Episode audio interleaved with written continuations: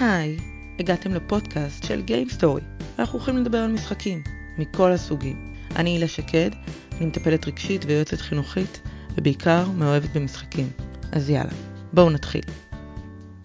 היי, הגעתם לפודקאסט של Game Story, אני הילה שקד, ואיתנו היום אה, שרון רמון, והיא ככה תספר על עצמה ועל אותי נורא נורא סקרנה כבר בהרצאה שהלכתי אה, בכנס והיא ככה דיברה על אה, משחק ועל מרחב מאפשר ואנחנו ניגע ככה בנושאים האלה של איך זה יכול לקרות בחינוך אם בכלל אולי זה גם קורה בהורות אולי זה קורה בעוד מרחבים ואנחנו אה, נבדוק את זה ביחד אז שרון היי. אהלן מה העניינים? בסדר גמור איך את? אני בסדר גמור. מעולה. אז כן. בואי תספרי לנו קצת, תעשי את את הרקע שלך ותספרי לנו קצת מה, מה זה משחק בשבילך. על הכיפאק. אז uh, קוראים לי באמת שרון, אני uh, אימא לשני ילדים, שני כלבים ושרקן, בן זוג אחד, והאמת היא שכל ההיבט המשחקי הוא אחד מהדברים שמאפיינים מאוד את הבית שלנו כאנשים, וההיסטוריה האישית שלי שבעצם uh, אני מתעסקת בתחומים של חינוך כבר מאז שאני באמת באמת צעירה מאוד, 13-14 כמדריכה. אחרי זה בתור שנת שירות, אה, בהמשך מדריכת טיולים, ולפני שבע שנים קיבלתי איזושהי החלטה מעניינת להיכנס לתוך משרד החינוך אחרי כמה שנים אה, עמוסות בסיוע הומניטרי. אוקיי. Okay. וכאשר נכנסתי למשרד החינוך בעצם נכנסתי כמחנכת של כיתות א'-ב' ובהמשך של כיתות ה'-ו'. ישר בשנה אני... הראשונה מחנכת? כן, ישר בשנה הראשונה מחנכת. וואו. כן. מתוך תפיסה שזה מה שאמור להיות. זאת אומרת, כל, כל העניין הזה של להיות מורה מקצועית לא, לא ברור לי. אני משערת שבתיכון זה מעט אחרת, למרות שבעיניי מורה היא קודם כל מחנכת כתפיסה. אבל זה נושא לדיון אחר. אז התחלתי עם א'-ב', זה בעצם הבסיס לכל מה שאני מתעסקת פה בעולם המשחק, כבר אני אפרט. אה, אחרי שסיימתי א'-ב' הוקפצתי לה'-ו', מאוד נהניתי בה'-ו', הייתי איתם אה, במשך ארבע שנים, ה'-ו' שונות, והשנה אני התחלתי לנהל את בית הספר הדו-לשוני ביפו. וואו. כן. טוב אנחנו אמרנו שלא ניגע בזה אבל זה עדיין וואו מבחינתי זה כן, גם זה ההקפצה למנהלת וגם בית ספר שהוא סופר מורכב. נכון מעניין מעניין ומאתגר עמוס כיפי הכל ביחד. כאשר במקביל אני מנתחת התנהגות כבר 20 שנה ובניתוח התנהגות אני עובדת המון דרך תנועה דרך משחק אה, ודרך מוזיקה. ובשבע שנים האחרונות אני מלמדת מורות בקורסים וסדנאות, דברים שקשורים למשחק ולמידה, פיתוח נרטיב ולמידה, למידה מסדר גבוה, למידה מבוססת מקום ועוד כל מיני דברים כאלה ואחרים. ויש לי שני בלוגים, בלוג אחד אה, כללי של חדשנות פדגוגית ובלוג שנקרא טוגי, שהוא הכי חשוב לענייננו לדעתי בשיחה הזאת, שהוא בלוג שלם שמתמקד רק במשחקים פיזיים ולמידה ומשחקים פיזיים והתפתחות. אוקיי. Okay.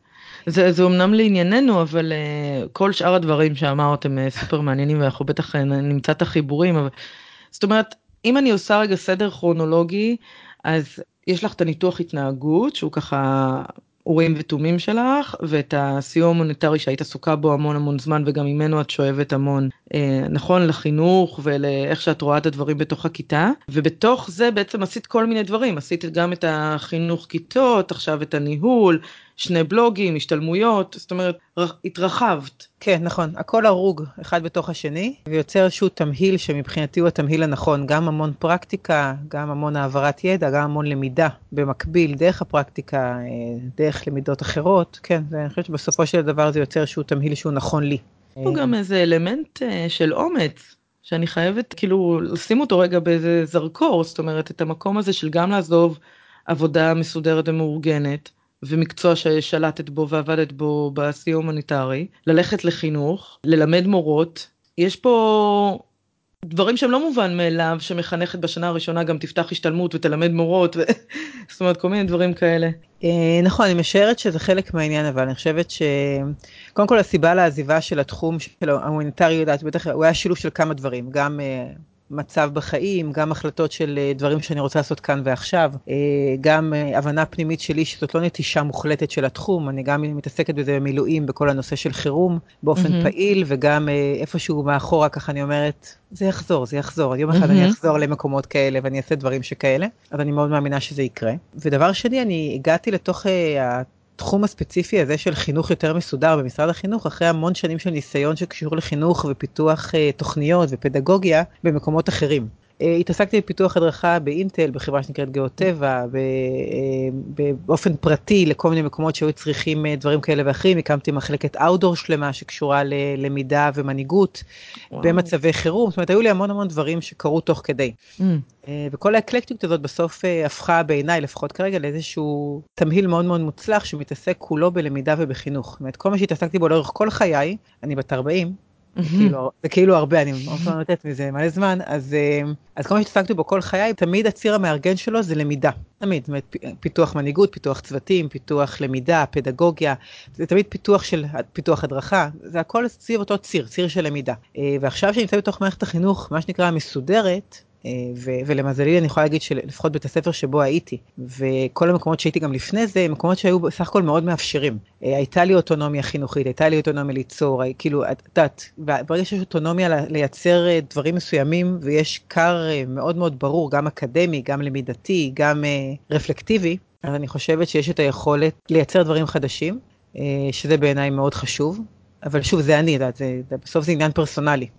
זה גם למורות שלי, בסוף יש את שרון ויש את אה, שירה, דינה, רינה, עמל, כל אחת אה, שנמצאת בבית הספר, ויש לכם את האופי שלכם. וככל שאתם תעזו לצעוק פנימה בתוך איזה שהם גבולות שהם מאוד רחבים דרך אגב, את האני מאמין שלכם באופן מקצועי, אז השמיים הגבול. אבל זה גם עניין של תפיסה, זאת אומרת, גם כשחינכתי כיתה ככה עבדתי. זאת אומרת, הילדים ידעו שאצלי בכיתה מרחבי החופש, דרגות החופש הם אינסופיים, כולם ידעו איפה הגבולות, ובאמת השמיים היו הגבול. אז זה באמת עניין תפיסתי, ואני חושבת שברגע שאני פועלת ככה מתוך מה שמוביל אותי מצד אחד, וככה אני גם מצליחה להניע אנשים אחרים, אז יש בזה משהו שהוא יכול באמת לייצר שינוי. אז אני חושבת שהאומץ מתוך המקום של הרצון לייצר שינוי, ספציפית פה. אמרת גם איזה משהו, אמרת שיש פה שלושה צירים, כתבתי לעצמי, אקדמי, למידתי ורפלקטיבי. נכון. זאת אומרת, יש פה איזה משולש שאת מאמינה בו שחייב להתקיים, mm-hmm. כדי שהמערכת תאפשר בעצם למורה לייצר מרחב מאפשר. נכון? ככה מנסה לדלות בין מה שאמרת.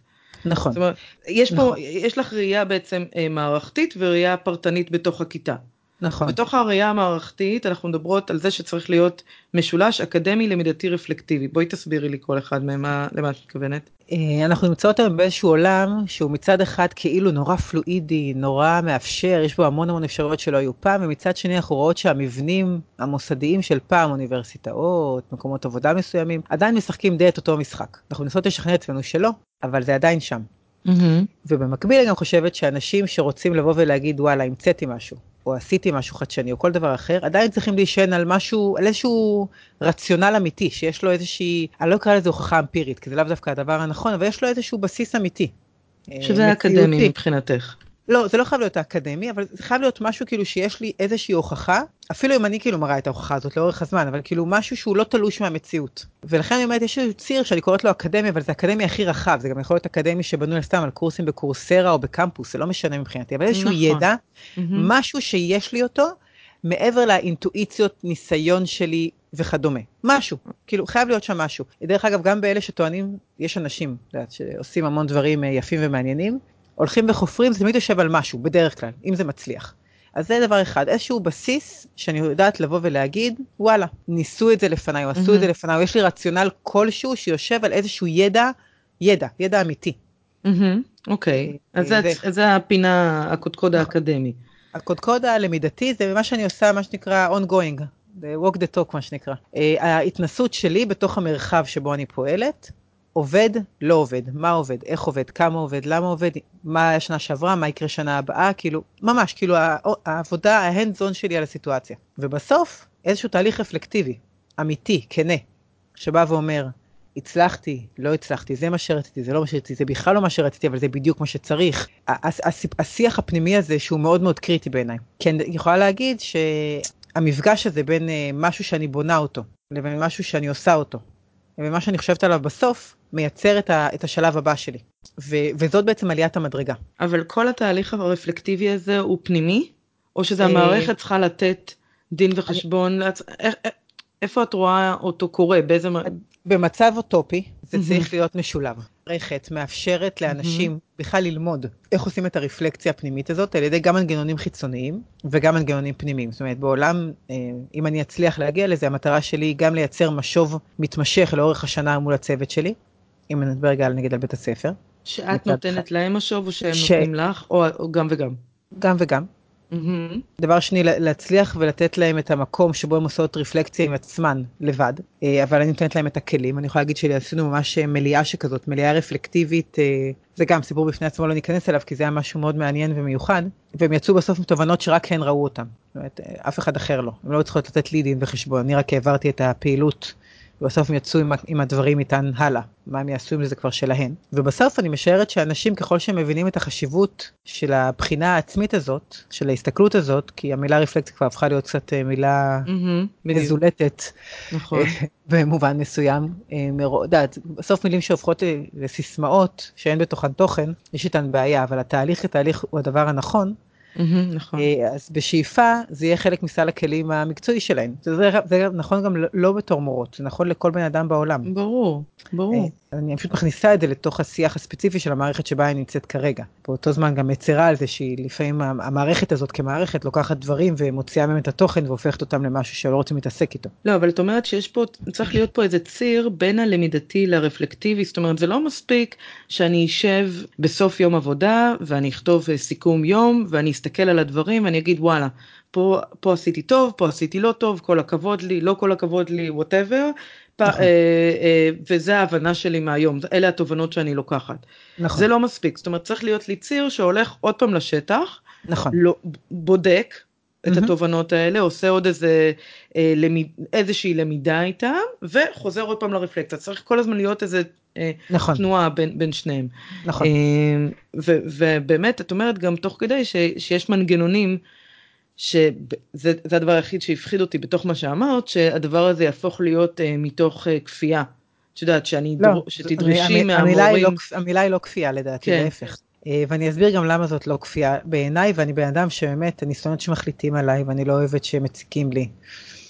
אה, הנושא הוא בכלל לא כפייה פה לדעתי, הנושא הוא בסוף מת, מתמצת לדבר אחד. כשמתחילים אצלי קורס שאני מעבירה, או כשגם אמרתי את זה בבית הספר, יש לנו את היכולת לבחור האם אנחנו מנהיגות שינוי כלשהו בכלל מנהיגות mm-hmm. או שאנחנו מורות סתם ואני בכוונה מגדירה את זה ככה האם את מנהיגה או סתם מורה ואני יודעת שזה ישר מעצבן ואני יודעת שזה מכעיס וזה לא מעניין אותי כי אני באמת מאמינה שברגע שנשים בפרופסיה של החינוך אני מתמקד רגע בנושא הזה בלבד יסתכלו על עצמן כמנהיגות לא תהיה להן ברירה אלא להפוך להיות למקצועניות בתחום שלהן.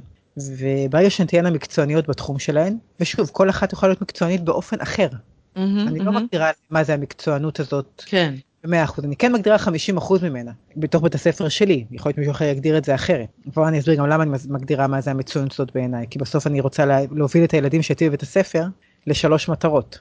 אני רוצה שיהיה להם כיף, שלב ראשון. אני רוצה שהם יחוו הצלחה ויגיעו להישגים ביחס לעצמם וגם בכלל. אני מודה, אני בן אדם הישגי ואני חושבת שזה חשוב בעולם שבו אנחנו חיים. ואני רוצה שהם יחיו בתוך אקלים מיטבי, חברתי ורגשי. וכדי לעשות את זה אני חייבת להגדיר מה זה מצוינות אצלי, בתוך הארגון שבו אני נמצאת, ומובילה אותו. אז אני חייבת להגדיר להם מה זה אומר, ואני חייבת לתת להם עוגנים כדי להצליח לעשות את זה. אם הם יעשו את זה ב-100% או ב-70% זה כבר עניין שלהם.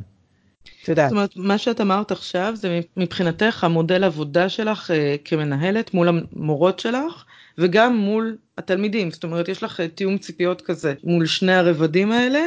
נכון, דרך אגב זה נכון גם לקורסים שלי, ואת יודעת, כמעט בכל קורס שאני מתחילה ויש לי, נרש... יודעת, נרשמים, אני, אני מתחילה באותו משפט ובאותה הקדמה, ואני אומרת, ומי שלא לא מתאים למה שעומד לקרות פה, כי אני דורשת המון דברים, הנה הדלת. Mm-hmm.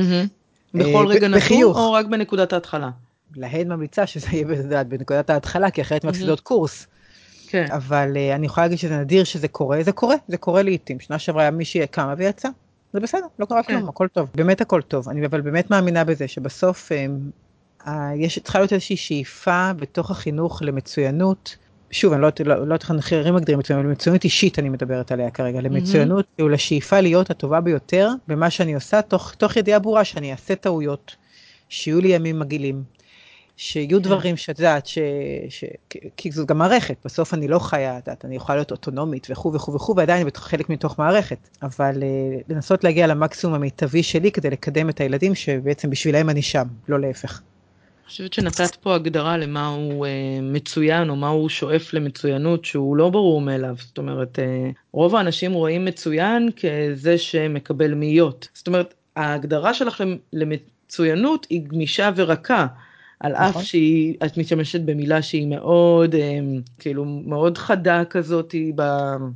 ואין לי שום בעיה עם זה, אני באמת מאמינה בזה. אם mm-hmm. תשאלי אותי, ותמיד אני מספרת בכיתה, אני מאוד אוהבת לעבוד דרך... הילדים של הכיתות שלי תמיד הכירו אותי, הם שמעו, אליי, הם הכירו וראו את הילדים שלי, הם שמעו עליהם, הם שמעו על בן זוגי, הם כאילו הכירו דברים שקורים לי בחיים, מהחיים האישיים, מהמילואים, מה, מהמון דברים, מטיולים שאני עושה, מהיסטוריות. והייתי גם מספרת להם סיפורים, דעת, מבית הספר שלי. וגם תמיד היה לנו את השיח הזה של, אתם יודעים, אם מישהו היה אומר לי, כשהייתי בכיתה א', ב', ג', אולי הייתי חושבת על דברים אחרת. או אם מישהו, ההדהוד הזה הוא מאוד חשוב, הייתי אומרת, וגם mm-hmm. סיפרתי להם, יש החלטות שקיבלתי, הייתי, רציתי להיות הכי טובה בתור מש"צית. לא עניין אותי ללמוד למבחן במתמטיקה. אבל לא הבנתי את המשמעויות של זה בכיתה ח'. ובכיתה י"ב, שהבנתי את המשמעויות של זה, לפעמים החלטתי ככה, ולפעמים החלטתי ככה, אבל זה היה מתוך הבנה של למה אני מחליטה את זה. וזה גם חלק מהעניין. זאת אומרת, בסוף, דרך אגב גם למבוגרים, גם לילדים. בסוף אני חושבת שהסיטואציה הזאת של להבין איפה אני, על מה זה משפיע, ואני גם יודעת שחלק מהדברים שאני אומרת לילדים בדלת, ב... הם לא יבינו את זה עד הסוף.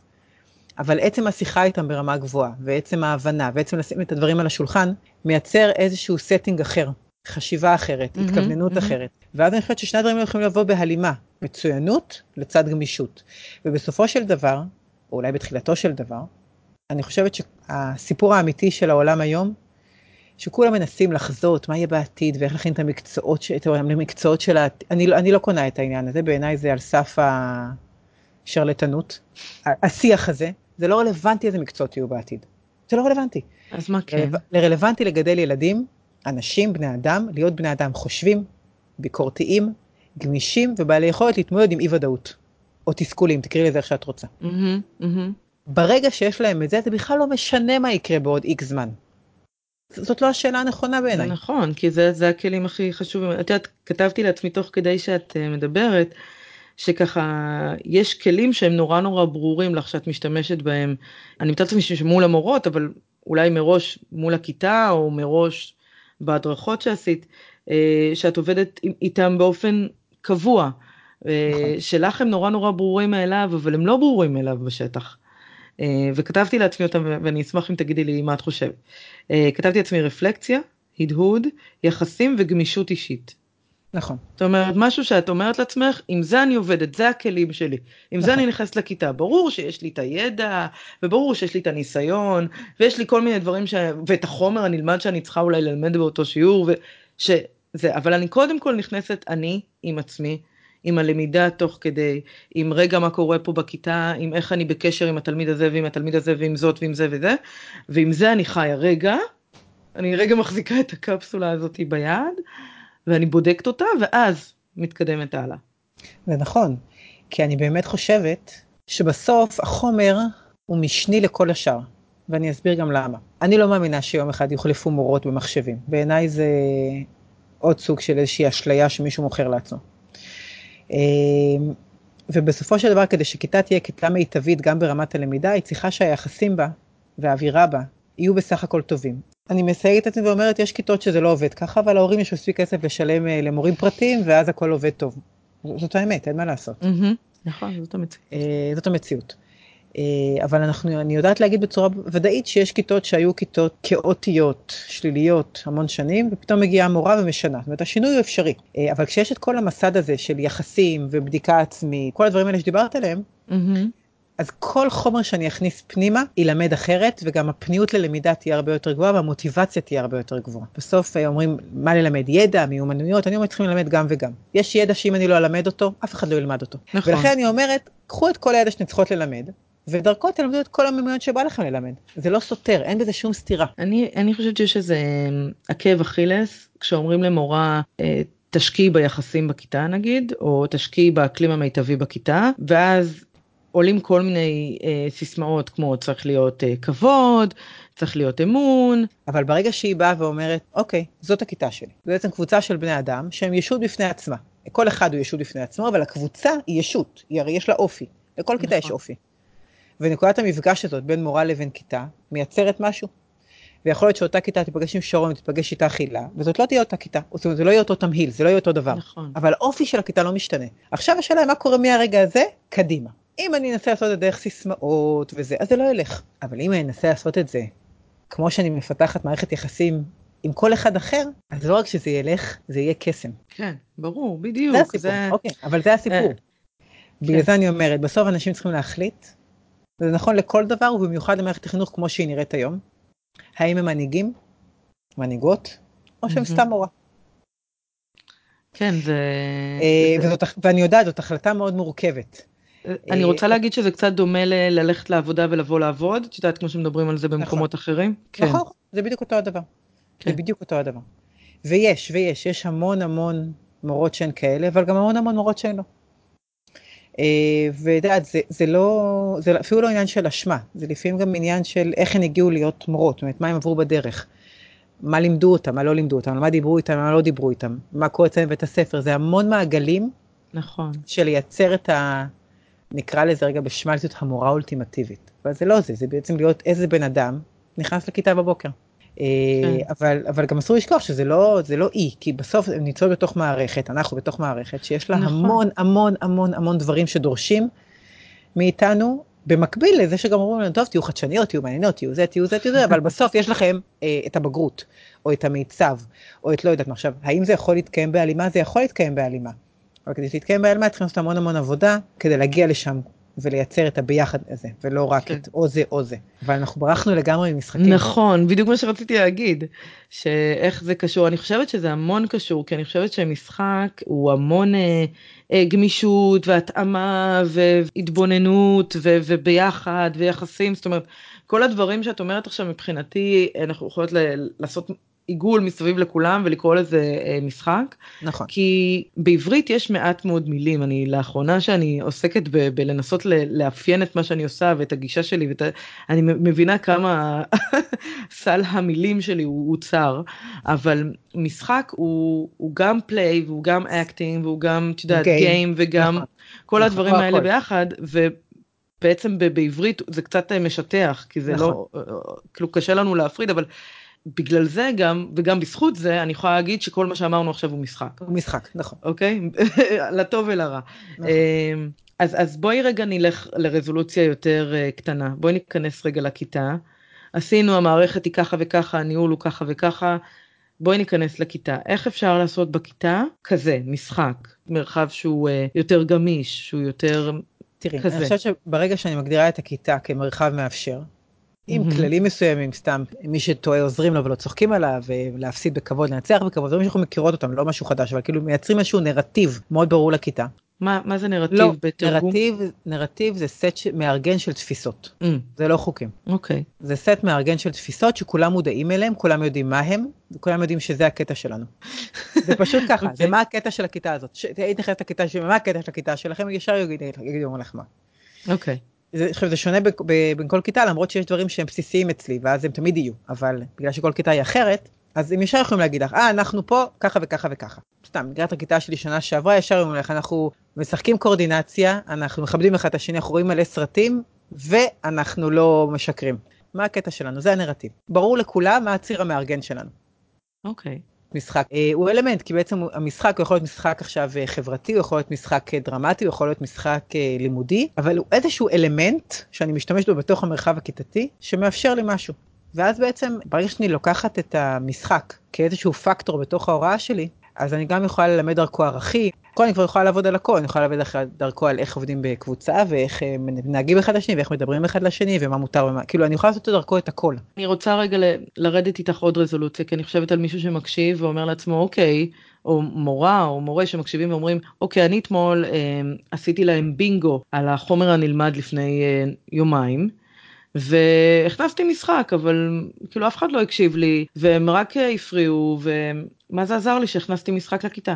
כל דבר שאני מכניסה אותו לכיתה צריך להיות מחובר לאיזשהו רציונל לאני הכללי. אם אני מורה שמלמד כל הזמן פרונטלי ואז אני אכניס יום אחד משחק אז מה שזה ייצור זה כזאת אקסטזה והתרגשות מזה שיש משחק. ש, שכולם יהיו בהתרגשות שהם לא יצליחו לעשות כלום במשחק הזה הם רק ירצו להצביע עכשיו ב, ב, בתוך הפלאפון במידה וזה משחק אינטרנטי או את יודעת mm-hmm. כאילו זה צריך להיות חלק מה-DNA של הכיתה. באמת, כדי שמשחק יהיה משמעותי לא רק בתור המשחק עצמו אלא בתור שפה כיתתית הוא צריך להיות שזור באופן קבוע בתוך הכיתה, ולא כאירוע חד פעמי. זה הסיפור שלו. ואז אני צריכה לשאול... וזה נכון לגבי בינגו, רביעות, אה, מלחמה, קהוט וכדומה. זאת אומרת, כל כן, אלמנט ב... משחקי כן, שהוא. כן, כי ברגע, שוב, גם יכול להיות שלא, מישהו יכול להחליט שהיא לוקחת פעם בשבוע, אה, ותמיד עושה בינגו כדי לעשות חזרה על החומר שהיא לימדה. אחרי חודש הם כבר יפסיקו להתרגש מזה שוואו, יש בינגו פעם אחת בשבוע בכיתה. אבל אז זה יהפוך להיות, זה יהיה אלמנט מתמשך אצלה בתוך השיעור, והוא ישרת איזושהי מטרה. הוא ישרת חזרה על החומר באופן שמייצר מוטיבציה. אבל אם זה משהו שהוא ספורדי, הוא קורה פעם בשנה, אז הוא לא משרת שום דבר, הוא רק גימיק. Mm-hmm. זה ההבדל, אני חושבת. ברגע שאני לוקח אותו כמשהו שמשנה את תפיסת ההוראה שלי, או שהוא כלי שהוא מייצר משהו בתוך הכיתה, שכבר כולם מודעים אליו, ויודעים מה המטרה שלו, ולמה דווקא הוא שם, ולמה דווקא אותו, ובאיזשהו שלב אני כבר משחררת, אני לא עושה אותו יותר, הילדים של הכיתה כבר יעשו את זה בתור חזרה לשיעור. ואז הם ישחקו, זאת אומרת, אה, יהיו חמש קבוצות בכיתה, והם יעשו את המשחק, ולא רק אני. אז עצם הייצור של המשחק, ואז הם יחליפו בין המשחקים, ואז זה כבר יהפוך להיות תרגולת שהיא אה, בתוך ה-DNA של הכיתה של הלמידה. ואז כבר לימדתי גם מיומנות וגם דרך חשיבה אחרת, וגם עניתי על צורך שהוא לתרגל חומר נלמד. זאת אומרת, הדברים, ברגע שיש להם איזשהו רציונל שרץ כל הזמן באופן קבוע, הוא הופך להיות חלק מה-DNA שלי. והוא מייצר איזשהו מרחב כיתתי אחר. אבל אם זה מה שאני עושה אותו פעם בשנה, או פעם בלא יודעת מה, והוא סתם mm-hmm. כנקודה בפני עצמה, אז אני מדברת עכשיו רק עליי כעל שרון, לא חייבים להסכים איתי. כן. הוא פחות אפקטיבי. זה לא רק שהוא פחות אפקטיבי, זה שקורה מה שאת מתארת עכשיו,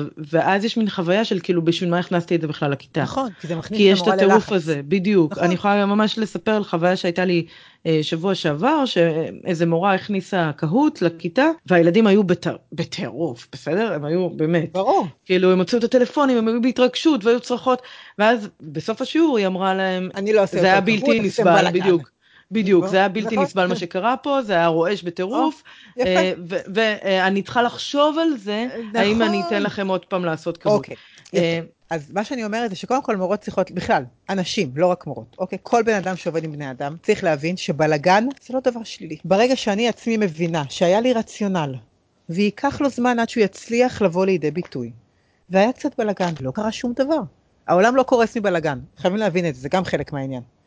הפחד הזה מבלגן או מאובדן שליטה הוא עניין פנימי, מתמצאת לעכשיו אה, ארבע שעות לתוך אה, שלוש דקות. ברגע שאני יכולה להבין שאי הוודאות הפנימית הזאת היא משהו חולף, או היא משהו שהוא יעבור אחרי פעם, פעמיים, הרגיעה הזאת הפנימית שלי, שאני יודעת שזה בסדר, מאפשרת לי לייצר שינוי. הסיפור של לעבור ממתודה של עבודה פרונטלית, דרך אגב עבודה פרונטלית היא דבר אדיר, אם יודעים לעשות אותה נכון, ואם היא נמצאת בתמהיל נכון בתוך הכיתה, לא צריכים לפחד גם מהמילה, גם יודעת, בסוף, גם עבודה פרונטלית זה דבר בסדר.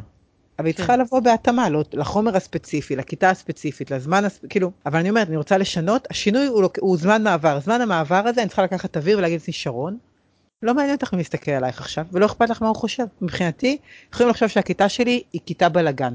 יופי, שיחשבו. אני יודעת לאן אני חותרת להגיע, בעוד חודש אני אהיה שם, מעולה. אבל בסוף, הסיפור הזה הוא תמהיל. אם אני רוצה לייצר עכשיו, לקחת ספציפית המשחק, ולהשתמש בו כאלמנט אצלי בכיתה, אני צריכה להגדיר מה המטרות שלי. האם אני רוצה שישתמשו במשחקים בשביל לפתח חברתיות, לשם אני אלך. האם אני רוצה עכשיו להשתמש במשחקים, משחקי למידה, כדי שיחזרו על החומר ויגיעו מוכנים ל... לא משנה, מבחן, עבודה, לא משנה למה. Mm-hmm. או אפילו לא, לביסוס חומר בלי, בלי בדיקה, בסדר? אז אני אגדיר לעצמי את התהליך, ואז אני אומרת, אוקיי, אני רוצה לשנות את תפיסת ההוראה שלי, או להשתמש במשחק בשביל משהו ספציפי עם הכיתה שלי, אז אני צריכה להגדיר לעצמי מה ואת האיך, ולדעת שתהיה לי תקופת מעבר של בלאגן, ושל קצת חוסר שקט. וזה עכשיו, אותה מורה, אם היא רק הייתה אומרת להם, תקשיבו, במקום להגיד להם, אני אבדוק, אני אחשוב, אני זה, אני זה, ואני לא מזלזלת בה דרך אגב, היא רצתה לעשות טוב, והבלגן הבהיל אותה כנראה, אני משערת, אני לא יודעת מה באמת היה שם. אבל אם היא הייתה באה ואומרת להם, תקשיבו, המטרה שלי היא שאנחנו נשחק המון משחקים, אבל אם אתם כל פעם תצרכו ככה ותעשו, יהיה לי נורא קשה לעשות את זה. ואני מבינה שבשביל הפעם הראשונה זה מה שהיה לנו, אז בואו פעם הבאה ננסה לעשות את זה אחרת, כן. במקום להגיד, אני לא יודעת אם אני אעשה את זה, אני אחשוב על זה, במקום ללכת למקום המשמעתי, הם היו מקבלים את זה אחרת, נקודת הפתיחה של הפעם הבאה הייתה אחרת, ואז פעם הבאה הייתה יותר טובה, פעם אחרי זה יותר טובה, פעם אחרי זה כבר היה, היה עובר חלק. וזה נכון דרך אגב לכל דבר, זה נכון לגבי למידה במרחבים חיצוניים, לגבי ללמוד מתמטיקה בחצר, לגבי הכל. ברגע שאנחנו מבינות שפעם פעם ראשונות הילדים יהיו באקסטזה ויעשו בלאגן בגלל זה. כי הם לא רגילים להיות בחוץ, אבל אחרי זה זה יהפוך להיות הרגל, וברגע שזה הופך להיות הרגל, יהיה להם כיף להיות בחוץ, אז זה כבר משנה את התפיסה שלנו לגבי הסיטואציה ולגבי מה שאפשר לעשות. אני, אני חייבת להוציא החוצה ממשהו שאמרת, כדי לתת לזה כמו מרקר כזה. אמרת שני דברים. אחד, אמרת שהמורה צריכה לדעת להיות במקום של אני לא יודעת מה יהיה, או אני לא יודעת איך דברים יסתדרו. נכון. וחשבתי על כמה שזה המורה צריכה להיות שם כי אנחנו רוצים ללמד את הילדים להיות שם. נכון. אוקיי? זה חלק מה, ממה שאמרת עוד בתחילת השיחה, שזה אחד מהדברים שאני צריכה לצייד אותם לעתיד, כי העתיד באמת לא ידוע. נכון. ואין מה להתעסק במה הוא יהיה, אלא רק בלדעת שהוא לא ידוע, ובאותה מידה לתת להם את הכלים להתמודד עם זה. נכון. אה, ו- ואני חושבת על זה שהמורה לא הייתה שם אף פעם, זאת אומרת לא הייתה שם אף פעם מורה שלימדה אותה, כמו שאת אומרת, אני חוזרת למה אמרו לי בכיתה ג', ד', whatever, ולה לא הייתה מורה שאמרה לה, תקשיבי, אני לא יודעת, בואי נראה איך מתמודדים עם זה, כאילו, זאת אומרת, אלא דוגמה. נכון. לאיך זה מורה שמסתדרת עם אי ודאות, ואז היא ממשיכה הלאה, אה, מורה שלא יודעת להסתדר עם אי ודאות, ואת יודעת, ואנחנו מגלגלים את זה קדימה. נכון. אה, וזה זה צריך ממש לעשות סטופ, להבין את זה, ואז לחזור פנימה, כאילו, למערכת ולנסות לשחות מחדש במים האלה. זה, נכון. זה לא משהו שהוא אה, אה, אמרנו ונמשיך, זה צריך לעשות ממש עצירה ו... לעשות תהליך עם זה. אה, אני יכולה להגיד בתור מטפלת שלי לקח זמן לשחרר את זה בתוך הטיפול. זאת אומרת, אני כל הזמן רציתי נגיד שטיפולים יסתיימו עם תובנות. רציתי שיהיה שעה, ושבסוף השעה אני אוכל להגיד לה, להורים, היום הוא התקדם ככה וככה, הוא עשה את זה וזה וזה וזה היה חדש, בלה בלה בלה. ועד שהצלחתי לשחרר ולהגיד לעצמי, אני לא יודעת מה יקרה פה היום, ואני נכנסת לזה, ויכול להיות שלא יקרה פה גם כלום. נכון. יודעת, כאילו, וזה לא, בסדר. זה ממש ככה. זה, זה ממש לקח ככה. לי איזה שנתיים, שלוש, או אפילו יותר, להיות במקום של וואלה יכול להיות שאני לא אעשה פה היום כלום הם ישלמו לי על על כלום אבל זה יהיה חלק מאוד קריטי מהתהליך שאני אהיה גם עם זה זה המון. אני חושבת שכל הנושא הזה של הלא לדעת, הוא, הוא מלחיץ אנשים. אני יכולה להגיד לך שאני עכשיו, מנתחת התנהגות, ויש לי משפחה שאני מנחה את הצוות, וילד שהוא ילד שלא דיבר, ועכשיו הוא מדבר. ילד בספקטרום, התחלנו לעבוד שהוא בן שנה ו-11 חודשים, ואני מספרת עליו כי גם הכל מפורסם באינטרנט, אמא שלו כאילו מעליו, mm-hmm. וכל אמרו להם, הוא, הוא כנראה לא ידבר, יש לו דיפרקסיה, הוא לא זה, הוא לא זה, ואני כבר אמרתי, תפסיקו, יש לו דיפרקסיה. הכל בסדר, זאת מילה. חכו, אנחנו לא יכולים, אי אפשר לחזות את העתיד, אנחנו לא יודעות להגיד אם מה שאנחנו עושות כרגע ישפיע על זה, הוא מדבר היום. וואו. עובדים איתו כבר שנה ועשרה חודשים, כן. אה, אבל אי אפשר אף פעם לנבא מה בדיוק יהיה, זה אחד. ושתיים, גם צריך סבלנות. אני למשל עובדת עם שירים, אני מאוד אוהבת לעבוד עם שירים, גם פואמס וגם סונגס, אפרופו מילים בעברית. שאין להם מספיק מילים. Mm-hmm. ואני כל הזמן, ובכיתה ספציפית שנה שעברה, אה, שחינכתי כיתה ו', הייתי איתם רק שנה אחת, לצערי, כשהתחלתי לעבוד איתם עם שירים, הסתכלו עליי כאילו אני חצי משוגעת, אין לזה מילה אחרת. שמתי להם את סטטיק ובן אל, את נמסטה, שיעור אה, ראשון בשפה בתחילת השנה, והם הסתכלו עליי, והם הסתכלו על עצמם, והם הסתכלו עליי. שיר מעולה. הם הסתכלו עליי, הם אמרו לי, מה את רוצה? אני רוצה שתקשיבו רגע למילים של נמסטה ותגידו לי איזה שיר זה. אז ישר התחיל סטטיק ומנהל, מה זה השטויות האלה, מה, נהיה, מה, קורה. אתם תקשיבו למילים, איזה שיר זה. ואני אקשיב, ואז הילד אומר, זה שיר מחאה. אמרתי או, ching ching. בואו רגע נדבר על מה זה שיר ביקורתי. ואת יודעת, קניתי נגיד רבע מהכיתה באותו שיעור, ו... ואני בכלל אומרת את המילה קניתי, והשיר הבא היה שיר של וולט ויטמן, משורר אמריקאי. Mm-hmm. ואין לו מוזיקה, והם צריכים לקרוא אותו, ומסתכלים עליי, ואומרים לי, מה את רוצה? אני רוצה שתגידו לי, מה אתם חושבים על השיר הזה? אי אפשר לטעות. בואו, מה אתם חושבים על השיר הזה? עכשיו, עצם העובדה שאי אפשר לטעות, ומה אתם חושבים באותו זה, ואין תשובה אחת נכונה, הם כבר חצי מהם רצו לירות בי. ו... ואז השיר שאחרי זה היה שיר סופי. אה, מה את רוצה? מה את רוצה? אני אומרת להם, אני רוצה שתאפשרו לעצמכם לשער השערה עכשיו. עכשיו, כל, כל פעם זה כאילו היה להבין מה זה שיר מחאה, אחרי זה לחשוב לבד, ואחרי זה לשער השערה, וכל פעם, כל, כל שבוע היה להם עוד איזשהו מהלך, ועוד מהלך, ועוד מהלך, ובסוף השנה, חודש וחצי לפני הסוף הבאתי חברה טובה שהיא מרצה על אה, שירה פוליטית להעביר שיעור בכיתה והיא התחילה איתם עם השיר אה, נא לא למות על הדשא. והם הסתכלו עליה והם הסתכלו עליי ואז הם אמרו לי שרון הבנו למה אתם לא אותנו שירה. וזה לקח עשרה חודשים, וזה יופי. כי בסוף, אני לא רוצה שהם יבינו את הכל, ואני לא רוצה שהם יאהבו את הכל, ואני לא רוצה שהם יסכימו איתי על שום דבר.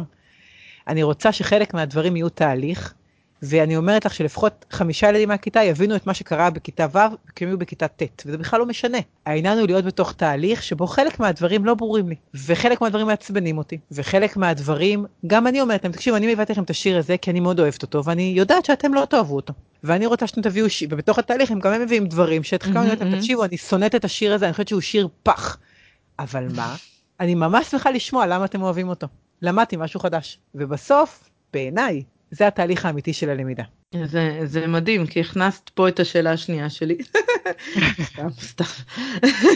כי רציתי לכתוב ש, שיש לך כל, כל הזמן את המקום הזה של אפשר לטעות, והוא לא מובן מאליו, את עובדת עליו כל הזמן, זאת אומרת, הוא עוד אחד מהכלים שאת כל הזמן משתמשת בהם. הוא לא מובן מאליו בתוך המערכת שדורשת ציונים ומיצב וכל מה שאמרת מקודם, ואני כל הזמן אומרת לעצמי, איך היא לימדה שירים בשיעורי שפה? איך אה, אחר כך לא בדקו אם היא סיימה את החוברת, ואיך ההורים נתנו לה...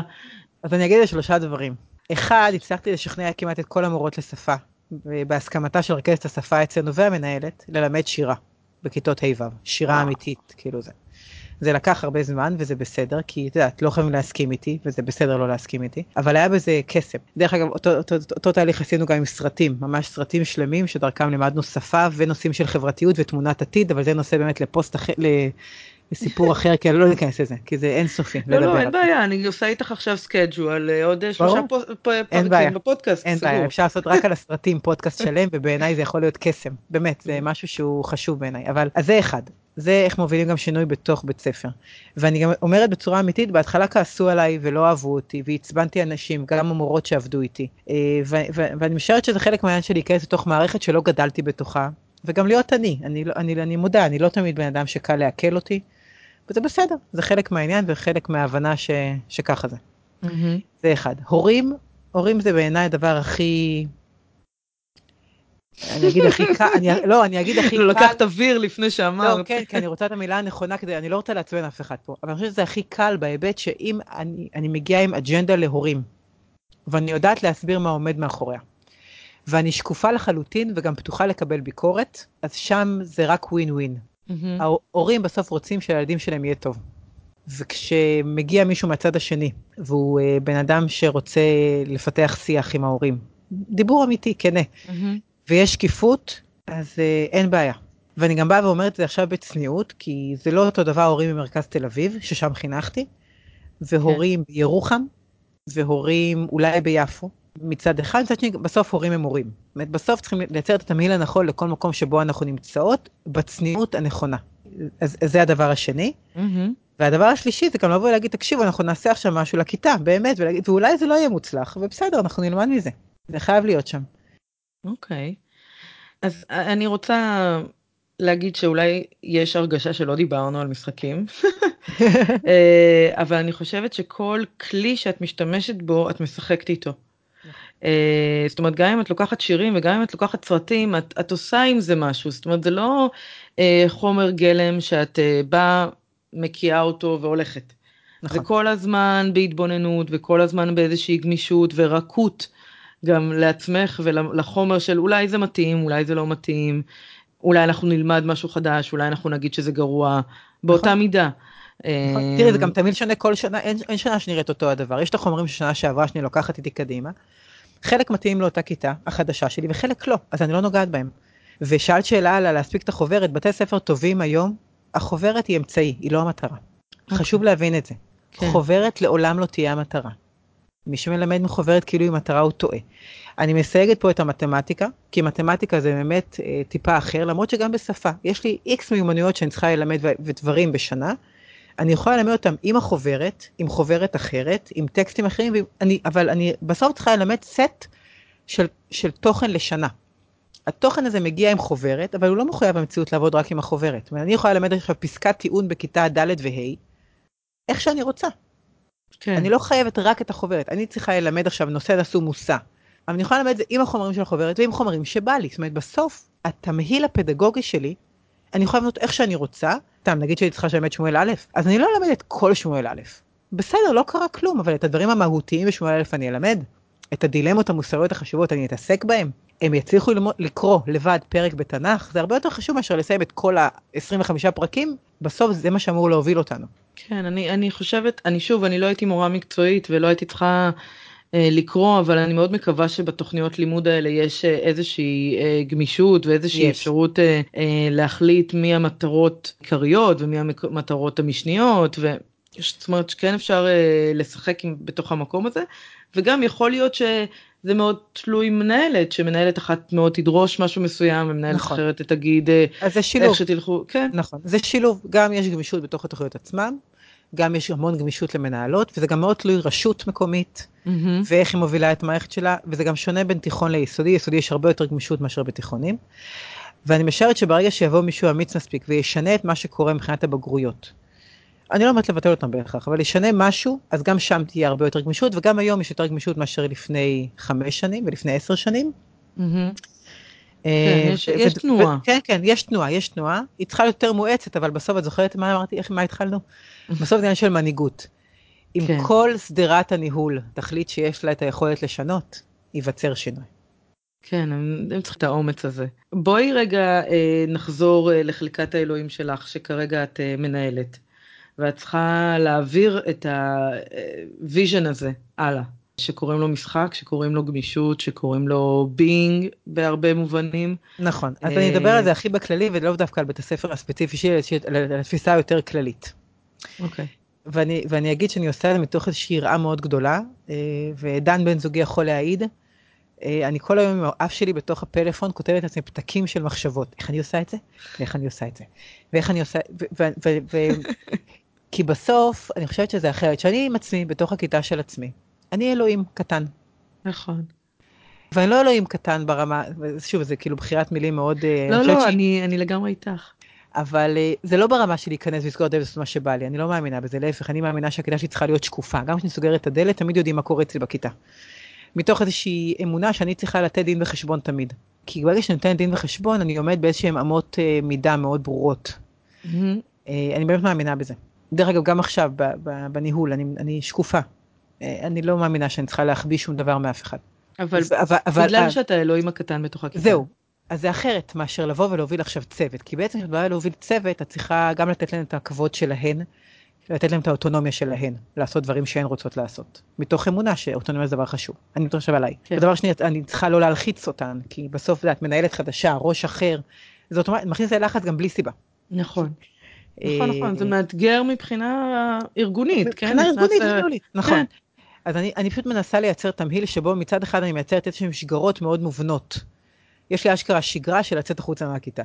עכשיו, תעשו מה שאתם רוצות כשאתן יוצאות החוצה מהכיתה, אבל אני ממש רוצה שתצאו החוצה מהכיתה. את מבינה? אני כאילו מנסה לייצר, לייצר משהו, אני אוכל להגיד לך עוד כמה חודשים אם זה עבד לי או לא, שבו אני מייצרת שגרה, שבתוכה יש המון זמנים שאני קוראת להם משבשים חיוביים. מהמם. ולתוך זה הן יכולות לצק את מה שהן רוצות. אני נותנת להם את כל הכלים לזה, כאילו אני מייצרת להם פיתוח מקצועי במקביל, שבו אני מלמד אותם איך לעשות את זה. אבל אחר כך את האיך הן תעשינה לבד. אני רק מנסה לתת להם את העוגנים של הידע של איך לעשות את זה טוב. ולתת להם את האוטונומיה לעשות את זה איך שהן רוצות. אם אני אצליח לייצר את זה, וואו, אני, אוכל- אשריך. אני, אני, אוכל, אני אוכל לכתוב על זה ספר. לא, אני לא צוחקת, כי אני חושבת בסוף שאם אני אצליח לייצר שגרות, כאילו מבנה שגרתי, מבנה של שגרה מסוימת, אבל בתוכו תהיה להם את האוטונומיה שמבוססת על מה שאמרתי מקודם, כי אני במקביל יוצרת להם ציר של פיתוח מקצועי שמביאה להם את האנשים הכי טובים היום בארץ, אני מקווה.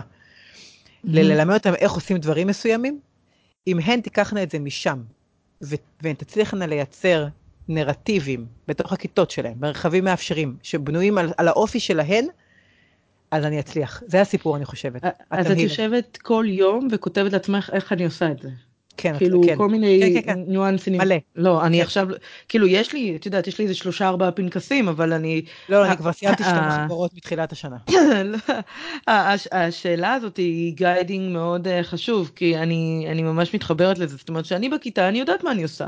נכון. אבל אה, עכשיו ללכת ולתת למישהו לעשות את זה, אז אני רוצה לתת לו את כל מה שאני יכולה לתת לו, אז, נכון. זה ממש... אה, אני בעצם רוצה אה, לתת כלי, להן את כן. כל הבסיס הכי בסיסי, קודם כל, הכי בסיסי, באמת האמיתי, מה אני צריכה ללמד בכיתה א', מה אני צריכה ללמד בכיתה ב', מה, מה, מה, מה, מה, איך, איך, איך, איך, למה, למה, למה, למה, זה הבסיס. אז אני מהמם. רוצה לבנות להם את כל הנושא של שגרות משבשות, שיעור בעקבות סדרה, שיעור במרחב החיצוני, כאילו מלא מלא אפשרויות, כן, לבנות כלים, להם, זה ש... כבר כלים. זה כבר כלים, ואז כן. לתת להם לצק את פנימה את האני שלהן. אם זה יצליח, אז אנחנו בדרך הנכונה. את יודעת, נראה לי שיש כאן איזה, בא לי כאילו, כי התחלנו ממרחב מאפשר, ומרחב מאפשר הרי נולד לא מעולם החינוך. לא. זה, זה וויניקוד, זה מרחב פוטנציאלי, מרחב ביניים. תראי, המילה הזאת אה, מרחב זה- מאפשר, היא, אני לא הכרתי אותה מעולם, אני התחלתי להשתמש בה לבד. וכשהתחלתי לקרוא, פתאום גיליתי את כל, ה, את כל החבר'ה שמדברת עליהם, mm-hmm. שמדברים על מרחב כזה ומרחב כזה, ומרחב כן. כזה, אבל המילה מרחב מאפשר, אני עוד לא שמעתי אותה, יכול להיות שאני עוד לא נתקלתי במאמר הנכון. לא, אבל זה, אבל זה ככה, אבל זה, אבל זה נופל על אותם דברים, חפיפות. נכון, נכון, נכון, כן. נכון, זה נופל על אותם דברים. ואני חושבת ש, שאת יודעת, מה שבא ישר אחרי המאמר שאת קוראת עליו, אה, על מרחב ביניים, אה, בא ה-good enough mom. אני לא אוהבת את המשפט, אני שונאת את זה. אני רק אגיד את מה שאני חושבת ותגידי לי גם אוקיי. למה את שונאת, ואת יודעת, גם הוא מדבר על שנאה, אז בסדר. אבל אני חושבת שזה, שיש לנו המון אה, אג'נדות והמון רצון להיות באמת האימהות הכי טובות או המנהלות הכי טובות למורים שלנו או המדריכות הכי טובות למורות שמגיעות להשתלמות או את יודעת לא משנה באיזה פוזיישן וצריך להבין שבסוף אנחנו עושות את הבסט של הבסט של מה שאנחנו מסוגלות כי באמת אנחנו כל הזמן בלמידה ובגמישות ורפלקטיביות אבל גם להיות במקום שמבין שגם אם תצליחי good enough ללמד השנה, זה יהיה באמת בסדר. Uh, זאת, זאת הראייה שלי של Good enough, יכול להיות ש-Good enough uh, כתוב בספרים uh, אחרת, שזה מה שמכעיס אותך, אבל זאת הראייה שלי. uh, בואי תגידי למה זה מכעיס אותך. עם זה אני מוכנה ללכת, אבל ספציפית ויניקוט עם ה-Good enough mother, יש לי בעיה, יש לי בעיה שם רצינית, זו שיחה פילוסופית שלמה. לא ניכנס לזה. אבל כל ה-good enough הזה, עצם העובדה שמגדירים משהו כ-good enough, יש פה איזה... מרפא? מרפא. Mm. ואני לא מסכימה עם זה. ובהיבט של העבודה אז אין מה לעשות, אנחנו אה, אנשים, אנחנו אמורים לשאוף למצוינות מה שאנחנו עושים, אה, ומה שאנחנו עושות, ואיך שאנחנו עושות את זה, ולהשתנות ולהשתפר ולשנות. אה, וזה לא, וזה, ו-good enough זה כאילו מין אמירה כזאת שהיא, mm. בהגדרה היא בעייתית בעיניי, אני לוקחת את זה למקום לא המרפא אלא למקום המכיל, כן, נכון המכיל, למקום הרך ואני חושבת שהרבה פעמים אנחנו נורא נוקשים לעצמנו זה אה, נכון. ומאוד כאלה מתקשים לקבל את הטעויות ואת הכשלים של עצמנו נכון. אה, ושם אני שומעת אותך עושה המון עבודה אבל אני חושבת שאנחנו חייבות להתכנס כדי שמישהו ירצה לשמוע אותנו לעוד פרק. מעולה. כי אנחנו ככה קרובות אה, לשעה.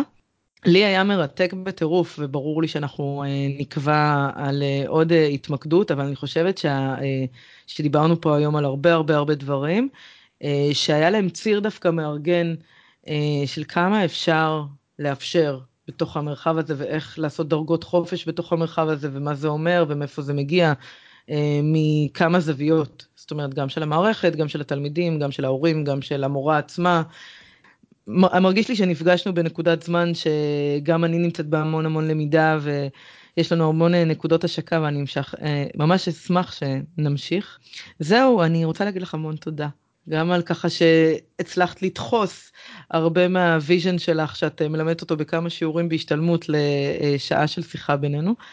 וגם על השקיפות שאת נותנת ככה בנדיבות את, את ה vision שלך שזה לא מובן מאליו וזהו ושאני אשמח שמי ששמע אותנו אה, ויש לו מחשבות ושאלות וכיוונים אז אני ממש ממש אשמח לזה כי זה חלק מהתהליך שכל הפודקאסט קם בשבילו בשביל ללמוד ולהכיר את כל הזוויות שמשחק מעורר ותופס מקום.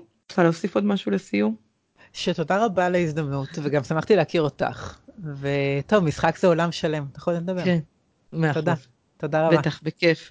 אז אה, ביי בינתיים לכל מי שהקשיב, ביי ביי.